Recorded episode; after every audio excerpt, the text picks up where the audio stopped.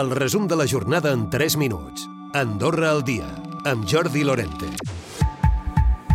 La incidència del càncer a Andorra és similar a la dels països de l'entorn, segons un estudi encarregat pel Ministeri de Salut. Entre el 2002 i el 2021 es van diagnosticar més de 5.000 tumors cancerígens. Entre els homes, el 57,8, entre les dones, el 42,2. L'estudi apunta que la tipologia de càncers de pulmó, colon i pròstata són els més habituals entre els homes, mentre que en les dones són el de pulmó, mama i colon. Explicaven des del Ministeri com havien fet aquest estudi.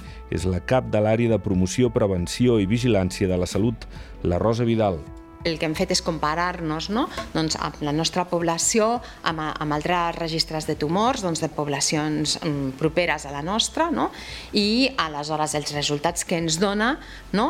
si la nostra població li apliquéssim el que a ells els hi passa, què obtindríem? I veiem que no, no, hi, no hi ha grans diferències respecte al que nosaltres estem obtenint.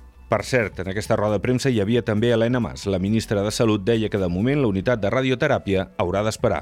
No, no aconsellem per en aquest moment tindre una unitat de radioteràpia a Andorra. Això no vol dir que més endavant, i quan dic més endavant parlo d'uns anys més endavant, potser hi pugui haver una unitat de radioteràpia a Andorra. I com vostès han vist, els tumors són molt diversos i cada tumor requereix d'una especialització eh, molt elevada, tant pel que fa a la màquina com per la persona.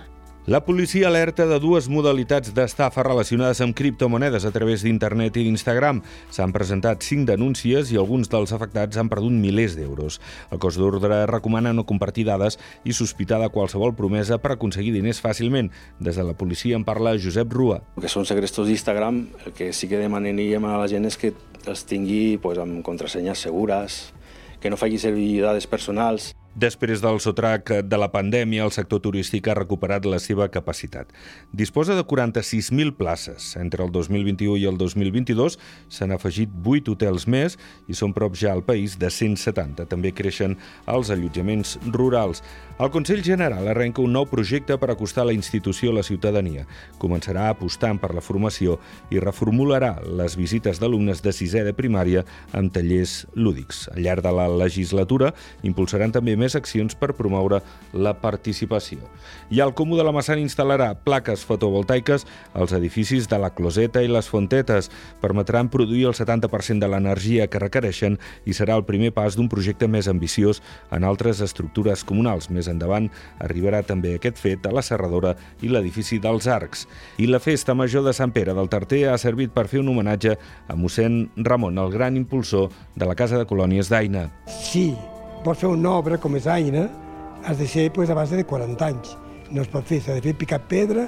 Jo crec molt en encarnar-te en el país, conèixer la gent del país. Han fet estimar aquestes muntanyes, han fet estimar Meritxell, una seixantena d'autoritats electes i jurades d'Andorra la Vella des del 1960 s'han trobat per primera vegada aquest dijous. S'ha tractat d'una plec informal que ha consistit en una visita a diferents punts d'interès de la parròquia i un dinar. Recupera el resum de la jornada cada dia a AndorraDifusió.d i a les plataformes de podcast.